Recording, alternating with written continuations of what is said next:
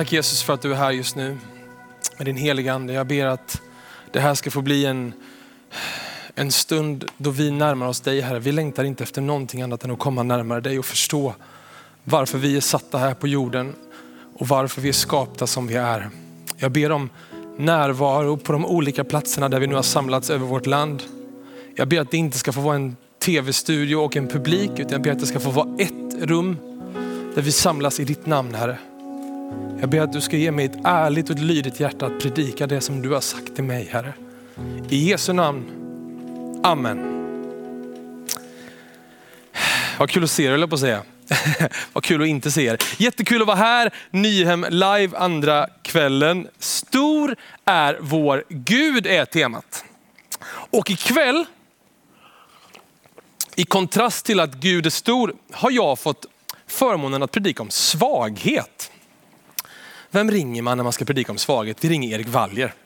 Han är tre äpplen hög och svag. Nej, jag är faktiskt starkare än man kan tro. Jag är faktiskt större än man kan tro. Nej men så här är det. Ikväll ska jag predika om svaghet, om vad vi gör med tankarna som snurrar i vårt huvud som vi inte får ordning på. Och jag ska predika väldigt ärligt. Jag ska predika en halv predikan har jag tänkt. Kanske för att jag inte har förberett mig färdigt. Du bara yes, jag kommer hinna till EM-matchen. Jag bara skoja, ska predika två timmar. Du bara, du är på min iPad, jag kan stänga av dig pastorn. Nej men jag, jag kommer förklara, eller, ni kommer förstå vad jag menar med halv predikan lite senare. Just nu när jag har börjat så sitter ni runt om i vårt land och många av er brottas med det här med svaghet ständigt. Ni brottas med att inte våga visa er svaga för era vänner. Ni brottas med hur ni ska hålla upp en fasad som verkar skön och schysst. Och ni har också den fasaden mot Gud. Vi älskar styrka. Alltså jag ber min treåriga son, kan jag få se på musklerna? Han bara, Liksom, alltså, vi är liksom kodade, vi tänker styrka det är bra, svaghet problem. Svaghet är ett hot. Det är inte som att jag liksom går ut på en scen och bara så här, jag är så svag, jag brottas med mina tankar, jag har ångest. Tack. Det är liksom, det, det, det, alltså det scenariot finns inte. Det scenariot finns inte. Det är inte så vi jobbar med svaghet. Svaghet är någonting vi ska undvika, det är någonting vi ska skydda folk ifrån. Det är mitt, det sker i det fördolda. Jag brottas med det. Liksom.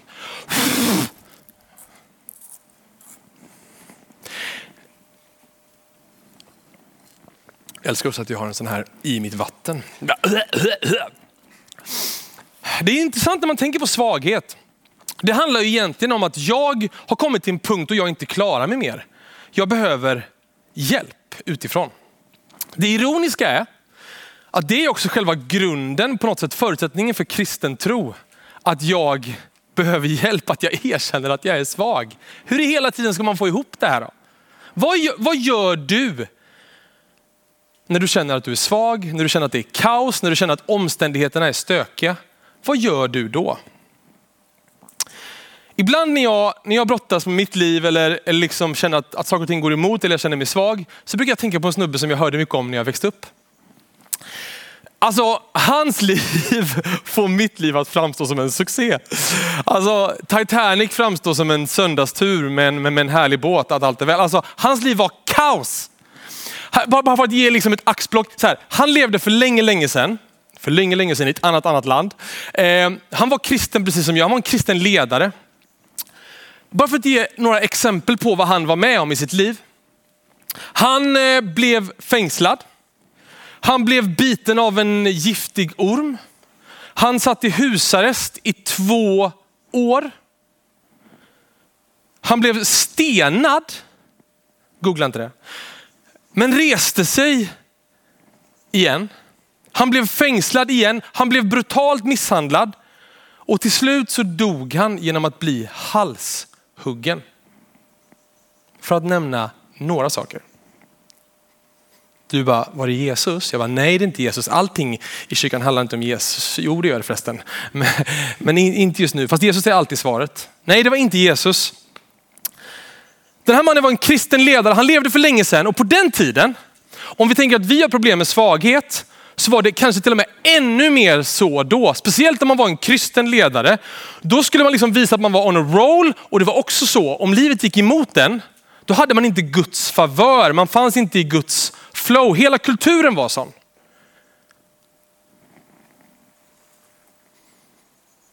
Mannen jag talar om är Paulus. Har man inte läst så mycket i Bibeln men hört om Paulus så kan man tänka att han var liksom han var liksom den mest kristna som någonsin har levt. Han har liksom skrivit typ uppemot 13 böcker i Bibeln. Jag ska läsa någonting som han skriver om svaghet och då ska ni ha med er det utifrån det jag nu precis har berättat om honom och hans liv. Att man som kristen ledare skulle, eh, att man som kristen ledare skulle vara liksom framgångsrik och ha ett flow. Han säger så här. Efter att han hade bett till Gud så upplevde han att, så här, andra Korinthierbrevet kapitel 12, vers 9. Men han svarade, alltså Herren svarade, min nåd är allt du behöver. Ja, i svagheten blir kraften störst. Därför vill jag helst skryta med min svaghet så att Kristi kraft kan omsluta mig. Jag gläds åt svaghet, förolämpningar, svårigheter, förföljelse och nöd när det är för Kristi skull. Ty när jag är svag, då är jag stark. Är du en kyrkis så kanske du bara, åh amen vad fint det lät. Men alltså när han skrev det här, folk bara, vad håller han på med? Det går liksom tvärt emot hur man tänkte då. Och alla de sakerna jag berättade, det till trots så var det ändå så. Han var, han var efter ett tag, efter att ha blivit omvänd, jättehäftig story, men jag ska inte ta det nu. Men han var en framgångsrik predikant. Alltså när han kom liksom gående så bad folk, människor blev helade, demoner flydde, människor blev upprättade. Han liksom gjorde Jesus känd. Och det är inte rocket science att om, om någon är liksom on a roll så finns det stora frestelser. Om man blir berömd, om man blir känd, om man blir lyckad så finns det enorma frestelser med det. Man kan tänka så här, I'm the man. Liksom.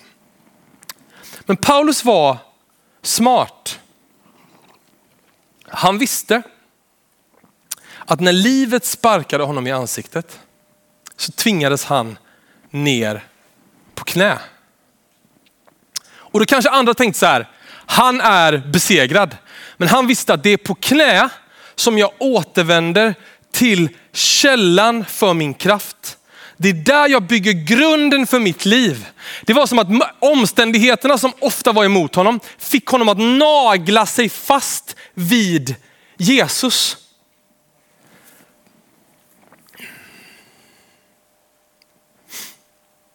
Är det inte ofta så för oss själva att när livet rullar på, har ni varit med om det?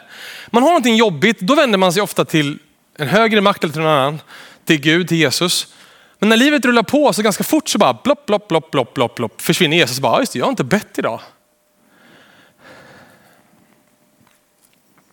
Jesus var Paulus enda hopp och han visste att han behövde Guds kraft mer än sin egen kraft. Nu kommer min första punkt ikväll. Den lyder så här. Motgångar kan antingen föra dig mot mörkret eller till Jesus. Motgångar kan antingen föra dig till mörkret eller till Jesus. Vi kan nu ta upp den här bilden. Ni kommer få se en bild i bild och jag ska få upp två vänner eh, som ska få hjälpa mig med en kort illustration.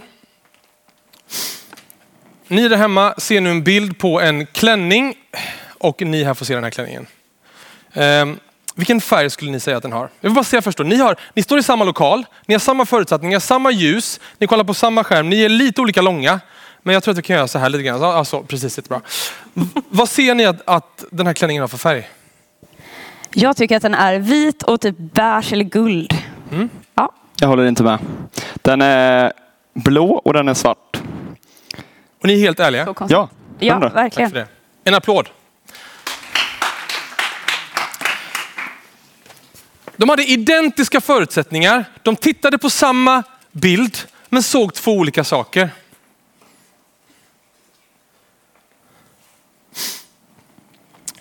När du möter en situation som du inte har önskat, när du möter en motgång eller hamnar i någonting där du bara känner så här, jag känner mig så svag just nu. Vad ska jag göra? Då kan du antingen börja snurra i tanken, börja älta. Jag har gjort det så många gånger, jag vet vad jag pratar om. Man börjar älta, man börjar vrida, man börjar vända, man försöker mer och mer och mer och mer och mer.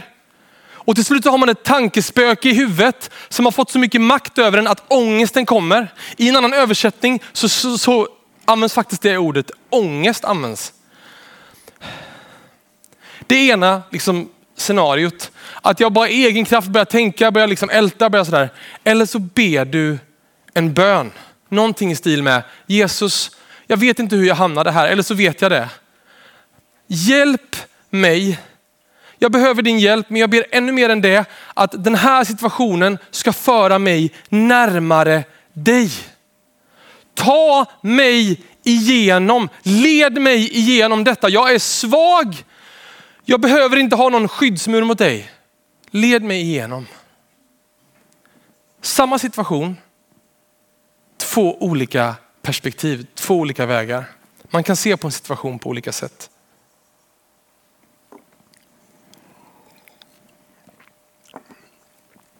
Och det var när jag, när jag hade kommit så här långt i min, i min predikoförberedelse som jag kände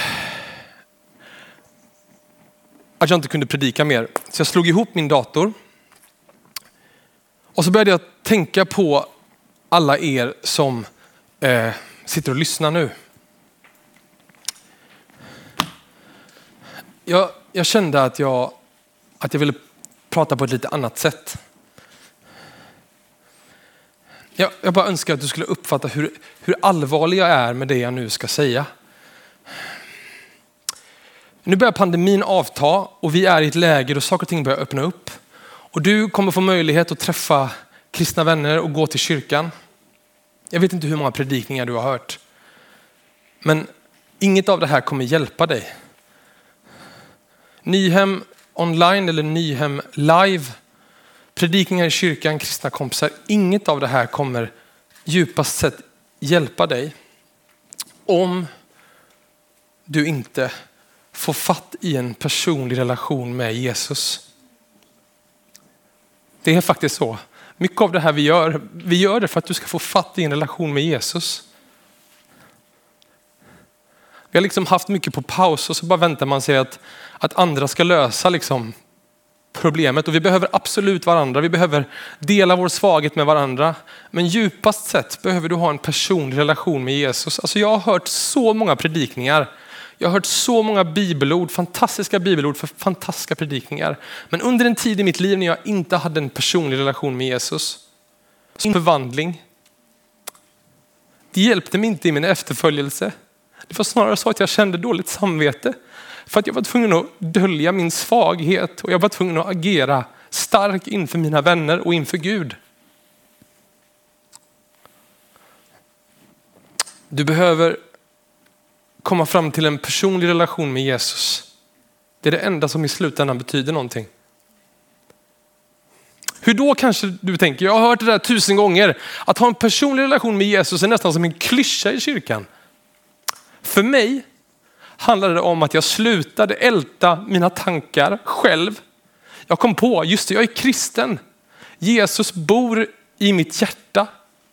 Så istället för att säga, hur ska jag göra nu? Så började jag be Jesus, hur ska jag göra nu? Du vet, det står att han, om vi, om vi sitter eller står så vet han det. Alltså han, han känner oss utan innan, han vet allt om oss. Det står också i Bibelns kortaste bibelord, Be ständigt. Det kan låta jättetrist. Men jag menar att det handlar om att det här låta det här samtalet börja. För mig var det så mitt liv gick från att vara ett, ett ytligt kristet liv till ett förvandlat liv. Jag hade levt i kyrkan länge, men jag hade tagit det. Jag hade levt på andras tro.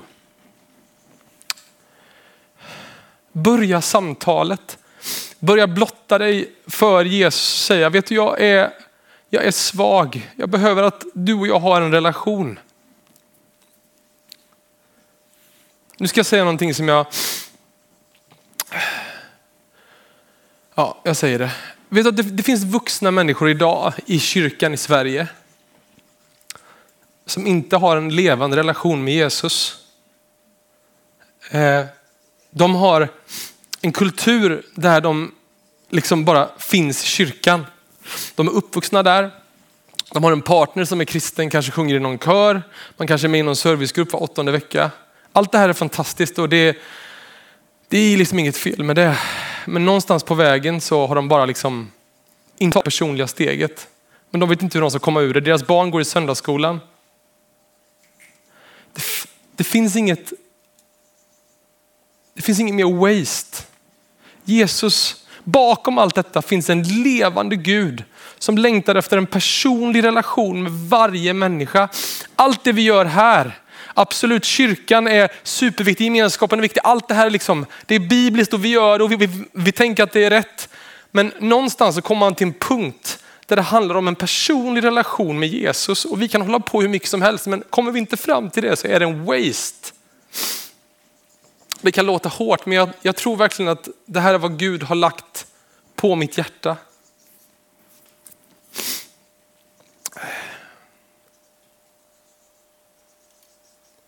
För några år sedan så för några år sedan så satt jag och min fru Mikaela och hade ett samtal i Göteborg. Vi var på semester och så började vi prata om att vi längtade efter att, att bilda familj.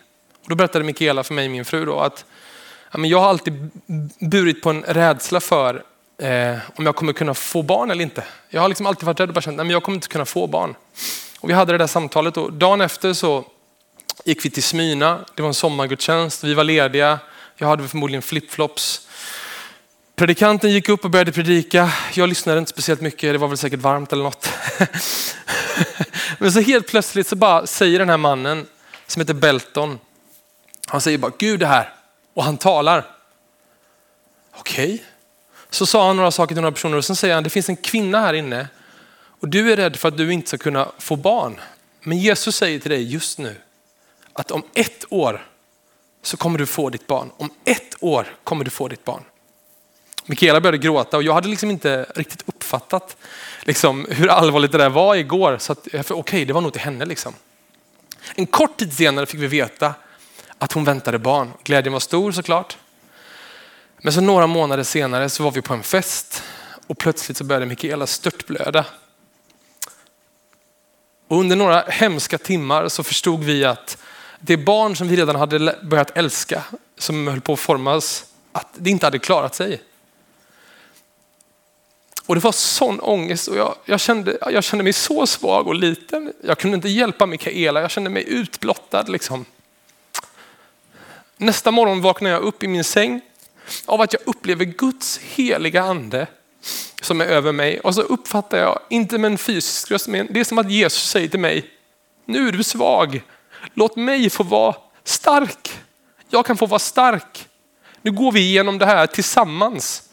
I slutet av min kraft, när jag inte hade någonting att komma med, så fanns ett erbjudande, en inbjudan från Jesus.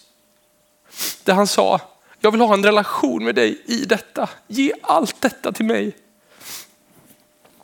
Och den inbjudan finns ikväll.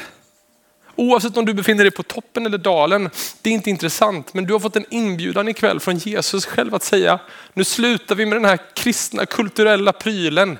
Där vi bara hänger i grupper. Ikväll vill jag möta dig och jag vill ha en personlig relation med dig. Det är möjligt och det är ett erbjudande. En kort tid senare, ytterligare, så fick vi veta att Mikaela var gravid igen. Och när vi kommer till doktorn så säger han, den andra helgen i augusti så ska ni få ett lilla barn. Det verkar vara ett friskt barn.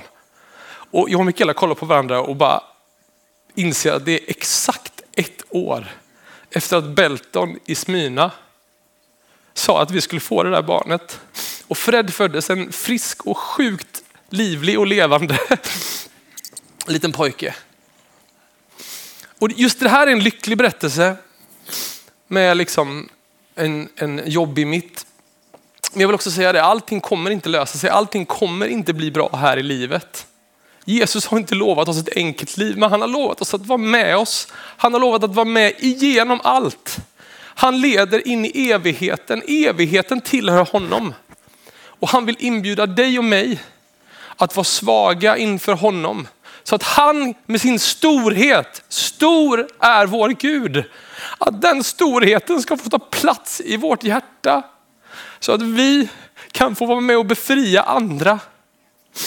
Du behöver inte älta, du behöver inte brottas med din ångest själv. Har du sagt ja till Jesus finns den helige ande tillgänglig. Och i ditt hjärta har du en levande Gud som är större än alla omständigheter i ditt liv. Börja samtalet. Det var vägen för mig. Att sluta älta, börja samtala. Lovsångsteamet kan komma upp. Vad jag har försökt säga idag med den här kanske spretiga och lite konstiga predikan är allting handlar om en relation med Jesus. Wastea inte ditt liv på att leva i kyrkan men inte få fatt på Jesus. Jag säger det här med stor kärlek och noll fördömelse. Det är utifrån en smärta att jag själv levde så ett tag. Och det är, det är inte vägen fram. Nu vill jag be för dig att du ska, att du ska ta emot den inbjudan och att du ska fatta mod att vara svag. Att blotta dig inför Gud själv. Han är så stor. Vi kan vara svaga för att han är stark. Jesus, tackar dig för att vi kan få komma till dig. Och för att vid slutet av vår egen kraft finns en inbjudan från dig själv. Där du säger, jag vill börja den här vandringen med dig. Jag vill vara stark när du är svag.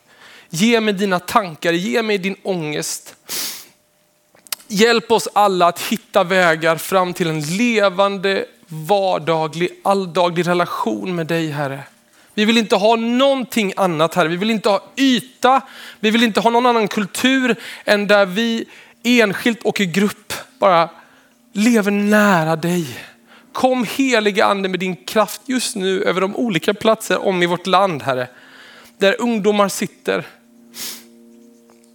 Tackar dig för att du börjar någonting gott just nu Herre på olika platser i olika människors liv Herre. Att människor som länge har känt att de har brottats med att behöva hålla uppe en, en fasad, att de ska få lägga ner den just nu Herre. Och att det inte ska få vara slutet på något bara utan början på en resa tillsammans med dig Herre. Ingenting betyder någonting om vi inte har en personlig relation med dig Herre. Kom heligande, kom heligande, kom heligande. I Jesu namn. Amen.